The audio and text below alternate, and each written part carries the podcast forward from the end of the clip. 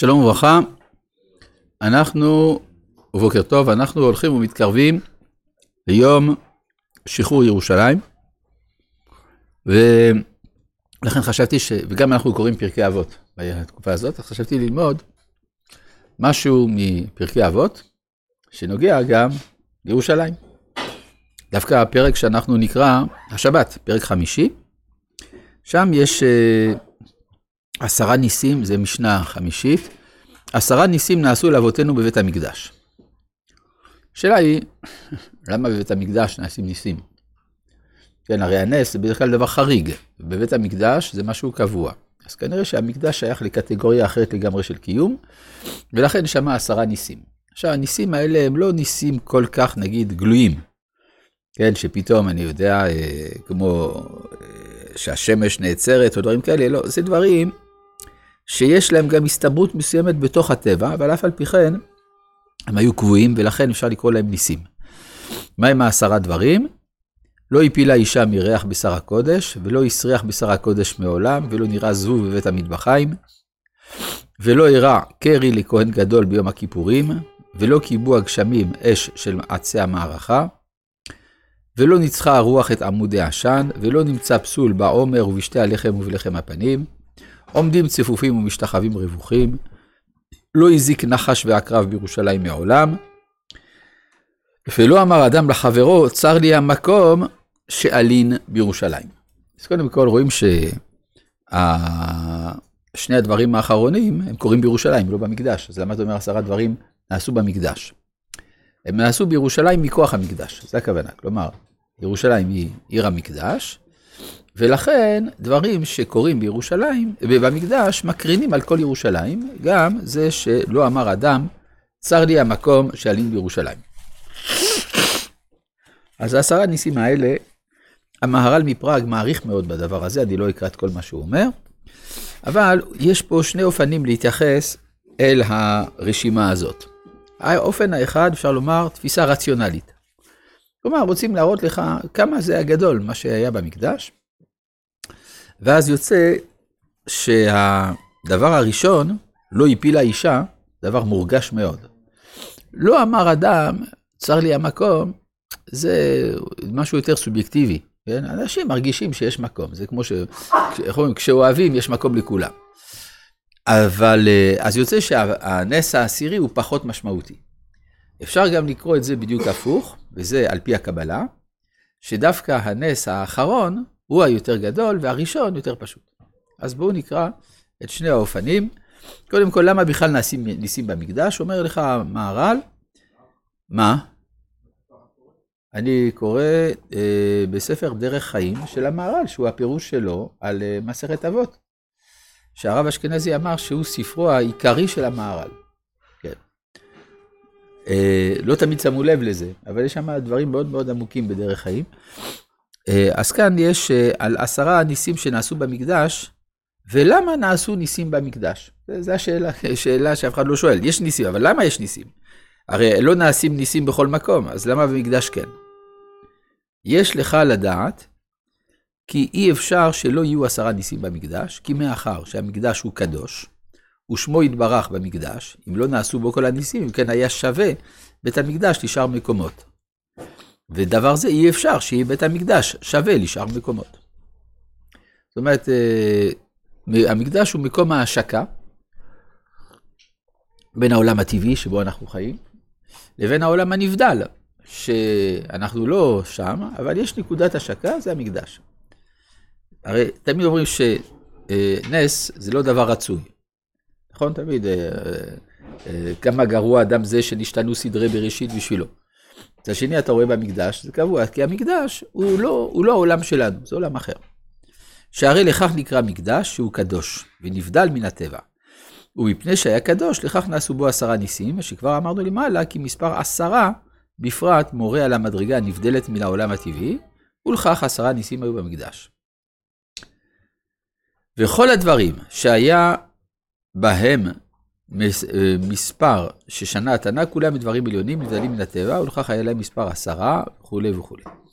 טוב, אה, עכשיו הוא, הוא שואל למה דווקא הניסים האלו? יש לשאול, הניסים האלו שנעשו בבית המקדש, למה דווקא אלו ניסים נעשו בבית המקדש? יש לך לדעת כי העולם הזה הוא עולם הוויה והפסד, ובית המקדש יש לו מעלה נבדלת מן עולם הוויה והפסד. ראוי שיהיו כל מעלותיו והניסים שנעשו בו הרחקה מן ההפסד. מה הוא מתכוון? הקדמונים היו מסבירים שיש, העולם מתחלק לשניים. יש העולם של הדברים הנצחיים, שזה הגלגלים והמלאכים, ויש העולם שלנו. העולם שלנו זה הוויה והפסד. מה פירוש הוויה והפסד? דברים מופיעים ונעלמים, מופיעים ונעלמים. אין דבר נצחי בעולמנו. אפילו יש עצים בני שמונת אלפים שנה יש בעולם. יש עצים כאלה. עצי סקויה אדירים. אבל לא יותר מזה. לא מצאנו עץ בן מאה אלף שנה, שחי, הכוונה. כן, לא קיים. זאת אומרת שהעולם שלנו הוא מתהווה ונפסד כל הזמן, שכבר ביארנו פעמים הרבה, כי ההיעדר הוא אשר אמרנו, אז זה אשר אמרנו, הוא דבק בחומר בלבד, אבל דברים הנבדלים אינם בעלי הפסד. ולפיכך, בית המקדש, שהיה בו קדושה, ראוי שיהיה לו הרחקה מן ההפסד שנמשך אחר הדברים הטבעיים החומריים ואינם במחיצת הנבדלים. ויותר מזה, כי בית המקדש הוא עיקר מציאות העולם, והוא נקרא, והוא נקרא אור העולם. כמו שאמרו חז"ל, פרק כמה דבבא בתרא, הוא קיבה נרו של עולם, ילך ויעסוק באורו של עולם. כן, נאמר על הורדוס, שהוא הרג את החכמים. אז אה, אה, איך הוא מכפר על זה? על ידי שהוא בונה את בית המקדש. וכבר התבהר כי האור הוא המציאות והוא הפך ההפסד. לכך כל הניסים שנעשו בבית המקדש, הרחקה מן ההפסד, מתחיל בגדול ומסיים בקטן. שלא היה שם הפסד והיעדר מה. כלומר, הניסים המאפיין, אם מחפשים מכנה משותף אה, לניסים שהיו במקדש, הכוונה שיש הרחקה מן ההפסד. אז מה זה ההפסד? הפסד החיים היותר גדול זה הפלה. יש עובר, הוא הולך להיוולד, והוא מופסד. זה נורא ואיום. אז לכן זה ההפסד היותר גדול. והנה היה הנס הראשון שלא הפילה אישה מבשר זבח הקודש. כי הפלת האישה הוא הפסד גמור, שיהיה נפסד הוולד, שהוא אדם פרטי. ומה? מה? בשר. היה הרבה מאוד בשר, נכון? במקדש. ונשרף, נכון? לא, לא נרקב, חס ושלום. לא על זה הוא מדבר. יש בשר של קודשים, מעלים אותו על המזבח, ריח של צלי. ריח של צלי חזק והרבה, זה יכול לגרום להפלה. בסדר? וזה לא קרה. מעולם לא הפילה אישה מבשר, מריח בשר הקודש. בסדר? ואמר שלא היה הפסד בזה, ודבר זה עניין בפני עצמו, מפני שהוא הפסד האדם, שהוא הפסד גמור. ואחר כך זכר עוד הפסד, שלא הסריח בשר זבח ובשר הקודשים. אז זה פחות, זה פחות הפסד. אבל, אבל בכל זאת, בשר שהסריח זה לא טוב. יש הרבה בשר במקדש. כן, מה אתה אומר? אה. ואף כי אין דבר זה נחשב הפסד גמור, כמו שנחשב נחשב הפסד כאשר האישה מפלת, שהוא ההפסד של אדם, ואפילו דבר זה לא היה במקדש. ויותר מזה, שלא היה הפסד עיפוש מן הבשר עד שהיו נמשכים אחרי זה זבובים, זה הדבר השלישי. להגיד, בסדר, הבשר לא הרכיב, כן, בדיוק, זה הולך ויורד, הבשר לא הרכיב, נכון, אבל אולי הוא מושך זבובים. לא, אפילו זביב אין. אין דבר כזה אטליז בלי זבוב, זה לא קיים. אבל במקדש לא היה זבוב.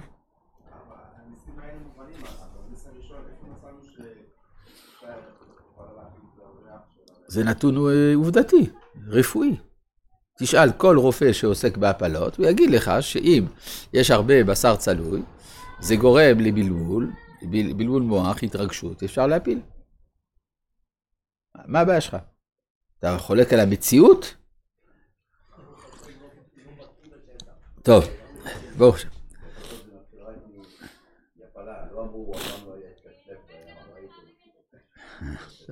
אף כי אין נקרא הפסד גמור, אפילו אחי לא היה הפסד איפוש. עד שלא נראה זבוב בבית המטבחיים מחמת איפוש, שדרך להיות נולדים זבובים בבית המטבחיים מן האיפוש, ודבר זה הפסד פחות נקרא. גם זה לא היה במקדש. כלומר, זה שאפילו הדברים הקטנים לא היו, זה עוד יותר. ואחר כך לא יראה לי כהן גדול קרי ביום הכיפורים. תגידו, מה זה נס זה? יום אחד בשנה ואז מתפעלים שמעולם לא נטמע הכהן הגדול. האמת היא, אפשר כן להבין. אתם יודעים, ביום הכיפורים יש הרבה התרגשות, בטח כהן גדול שנכנס לקודש הקודשים. התרגשות יכולה לגרום לקרי, וזה מעולם לא קרה, כן? זה נכון, זה בדיוק כמו שאמרנו מקודם, יפה. כן, כי דבר זה הפסד, זה רע. הדבר הזה אינו כל כך הפסד כמו הראשונים. כן, כי הרי הזרע זה, לא בן, זה לא בן אדם עדיין. כי האיפוש שנולד בבית המטבחיים, סוף סוף הוא איפוש שהוא הפסד, אבל שלא אירע לכהן גדול קרי ביום הכיפורים, דרך להיות רועה, כלומר, זה חלק מהטבע, ואין זה הפסד נקרא כמו הראשונים, שכולם נחשבים הפסד. ומכל מקום, גם זה הוא הפסד מה? ולא היה בבית המקדש. אבל שלושה שנזכרו אחר כך, ולא קיבו גשמים, עץ של עצי מערכה, ולא ניצחה הרוח, ולא נמסה פסול בעומר ובשתי הלחם ולחם הפנים, אין אלו דברים של הפסד, כאשר לא בא ההפסד מעצמו, רק מצד הגשמים והרוח והטומאה הנוגעת. כלומר, הפלה זה בגוף העובר.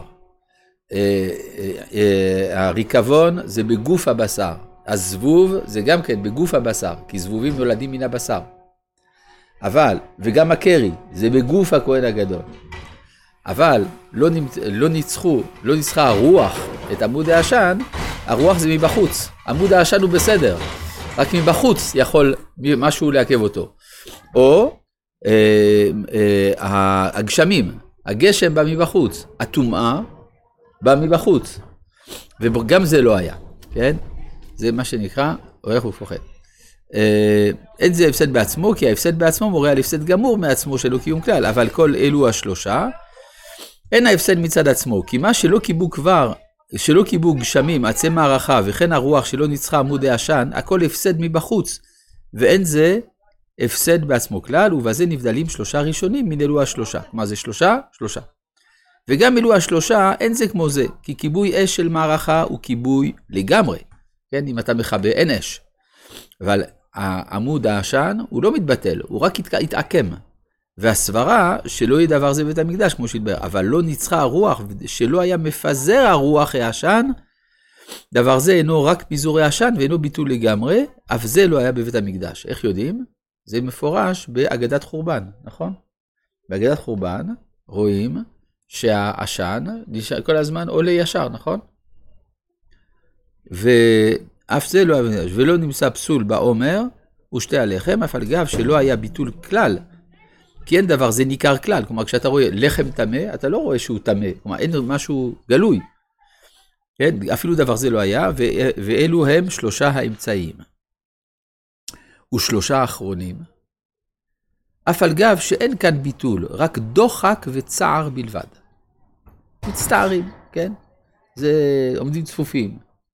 מגיע עקרב או נחש, כן? כל הדברים האלה זה דוחק.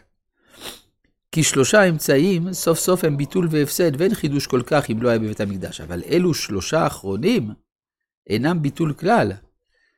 כי אם לא היו משתחווים רווחים, היו דוחקים זה את זה, ואי אפשר שלא יגיע הזק זה מזה. כל שנה יש אנשים שמתים במכה, בגלל הצפיפות, כן? במקדש לא מתו. ואחר כך, ולא הזיק נחש ועקרב. דבר זה הזק בלבד, גם כן, שלא אמר, ולא המית נחש ועקרב, רק לא הזיקו. רוצה לומר, אפילו צר נשיכה לא היה. ולא אמר, צר לי המקום, דבר זה גם כן, כאשר צר לו המקום, אין זה רק דוחק והזק מה. וגם אלו האחרונים, כל אחד פחות הזק, כי אם היו משתחווים כאשר היו עומדים צפופים, היה מזיק זה את זה בהזק גדול. כיוון שהיו עומדים צפופים, היו מזיקים זה את זה. וזה היזק יותר ממה שהזכיר אחריו, ולא היה מזיק נחש ועקרב, שהנחש הוא נושך ברגל, ואמר שלא הזיק אפילו היזק קטן לגמרי, ולא אמר נחש ועקרב, רק מפני ש... כי היזק נחש ועקרב שכיח. ומשום כך היה צורך הנס, כמו שהתבהר לי כמן, שהניסים האלו בדבר הרגיל להיות, ומכל מקום, היזק קטן גם כל מה שהוא לא היה. ו, אה, ואחר כך גם, אה, שלא היה אדם, אדם צר לי המקום, שזה דבר לא מורגש, גם זה לא היה במקדש. טוב, זה האופן הראשון של הסברת עשרה הניסים.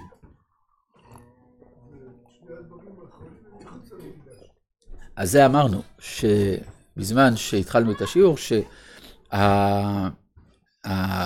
שכיוון שירושלים היא עיר המקדש, אז מה שקורה במקדש מקרין על ירושלים. וזה מראה שזה עוד יותר גדול. אז זה מתאים באמת להסבר השני. בהסבר השני אנחנו רואים על פי הקבלה. עד עכשיו זה היה הסברה רציונלית. עכשיו לפי הקבלה, עשרה ניסים כנגד עשר ספירות. מאיפה מתחילים? מאיפה מתחילים עשר ספירות? מהחסד, למה מהמרבית? מה? מהכתר, או מהמלכות, נכון? כלומר, עשר ספירות, אז מתחילים או מהכתר או, או מהמלכות. אז uh, המהר"ל מתחיל מהמלכות, הנה.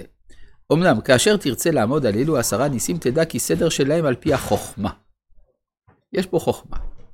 כי אלו ניסים החל מן המדרגה התחתונה עד המדרגה העליונה על כל. וזה התחיל באישה. ולומר, ולא הפילה אישה מריח בשר הקודשים. זאת אומרת, המלכות היא ספירה נקבית, נכון? אז מתחילים מהאישה שלא הפילה.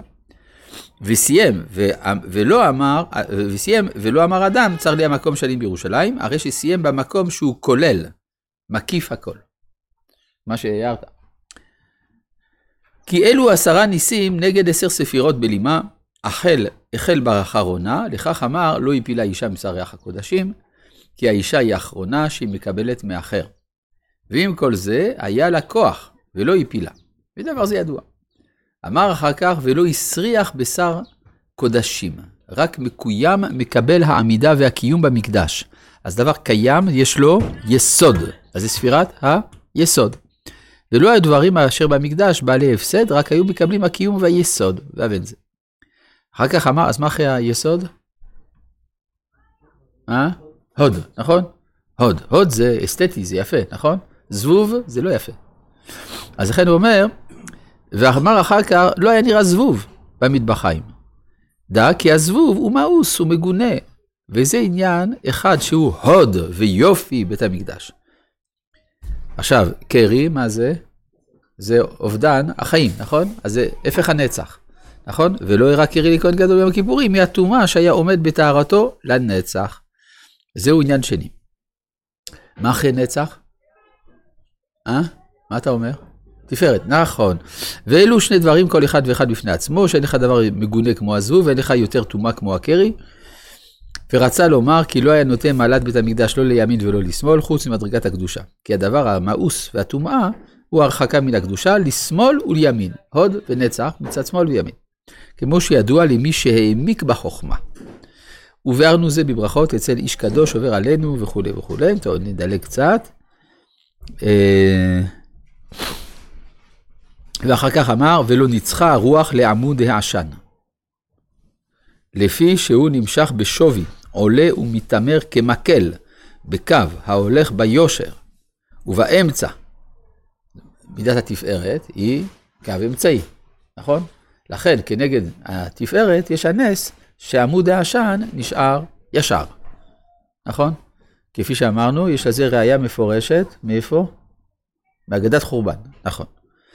ובאמצע, ולא ניצחה הרוח לעמוד העשן הזה, גם דבר זה ידוע. ואחר כך אמר, ולא כיבו הגשמים אש המערכה. אש זה איזה מידה? גבורה, נכון?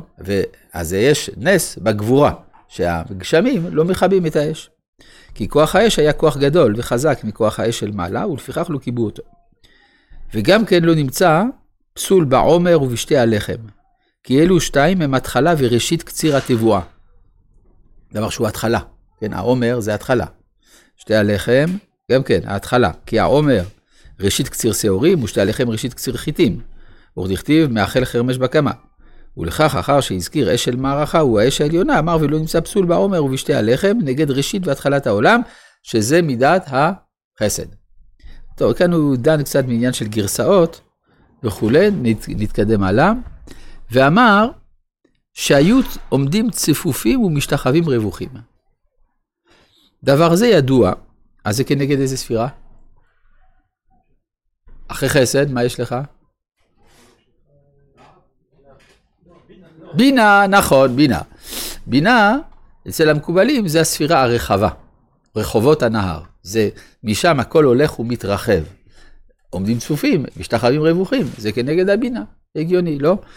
דבר זה ידוע גם כן ממה שכתוב מן המצר, קראתי יען אני במרחביה, שמזה תדע כי השם יתברך הוא מרחיב בצרה. וההשתחוויה היא לשם יה, כמו שאמרו, ליה אנו משתחווים, ליה אנו מודים. וכיוון שהשתחוו לשם יה יתברך, גם זה מרחיב בצרה, לכך היו משתחווים רווחים כי היו מביאים ההרחבה ממקום רחובות. רחובות הנהר זה הכינוי של הבינה. מה נשאר לנו? חוכמה ומה עוד? וכתר, נכון? בואו נראה. אחר כך אמר, ולא הזיק נחש ועקרב בירושלים, כי עוד, עוד הרחיב השם יתברך לפני המזיקים לאדם, עד שלא נכנסו בגבול האדם. כן, הרי נחשים ועקרבים הם בחוץ, הם לא אמורים להיות בבית. זה הבית, או העיר, זה מקומו של האדם. אז הנחש לא נכנס לתחומו של האדם, וגם דבר זה, הרחבה מן השם יתברך, כאשר לא היו צוררים, מצירים ומעיקים הם הנחש והקרב שמצירים לאדם.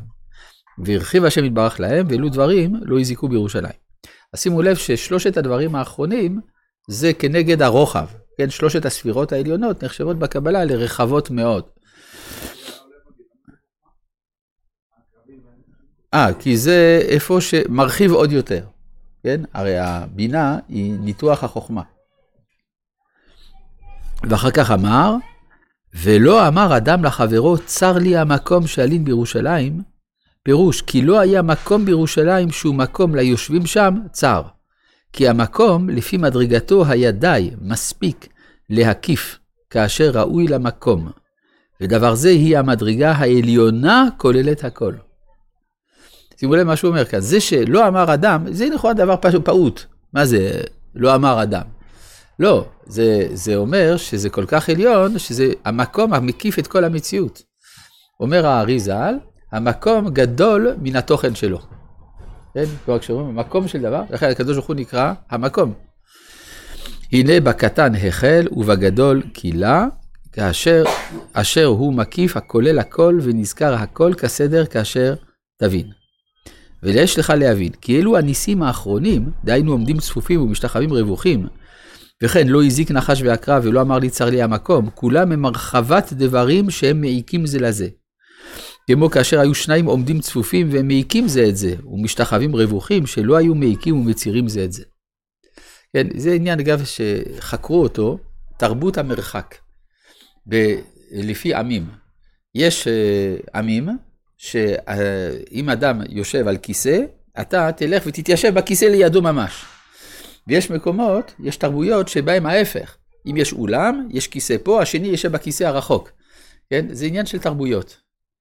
ואז זה אומר, אומר המהר"ל, הצפיפות זה היזק של האדם אחד לשני, וכן נחש ואדם מצירים ומעיקים זה את זה, שהם שונאים צוררים ומעיקים זה את זה. וכן לא היה צר זה את זה במקום, במקום בירושלים. הרי שלושה עליונים כולם שהיה הנס שהשם יתברך הרוויח.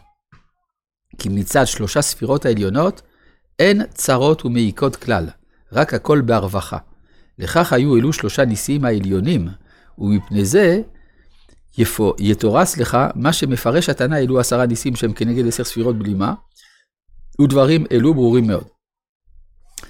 ויש לשאול, כי לא הזיק נחש ועקרב ולא אמר צר לי המקום בירושלים, לא היה בבית המקדש דווקא, רק בירושלים. הנה, הוא שואל, מה אתה אומר, זה במקדש, זה בירושלים. ולפי הדברים אשר אמרנו, תוכל להבין גם כן, כי הספירות העליונות, יש שם התפשטות יותר, כמו שהתברר למעלה. ולפיכך היה התפשטות הנס שלא הזיק נחש ועקרב בירושלים, ולא בבית המקדש בלבד. וכן, שלא היה צר המקום בכל ירושלים, ומכל מקום יש לומר לפי פשוטו, כי לא שייך נחש ועקרב בבית המקדש. כן, איך יכול נחש להגיע לבית המקדש? ובוודאי הנס ראוי לפי מה שאמרנו בנחש ועקרב כמו שהתבאר, ולכך צריך היה שיהיה בירושלים. וכן לא אמר, אחד, צר לי המקום, גם כן ראוי שיהיה הנס בדבר הזה, ולא שייך זה בבית המקדש, לכן היה בירושלים. כלומר, ירושלים זה ההרחבה המקסימלית של המקדש. כן, מה אתה רוצה?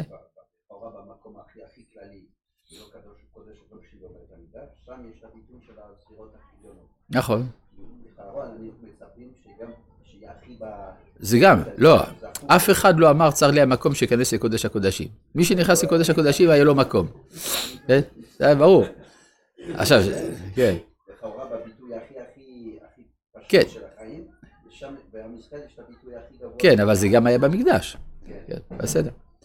רבי חנניה בן הקשיא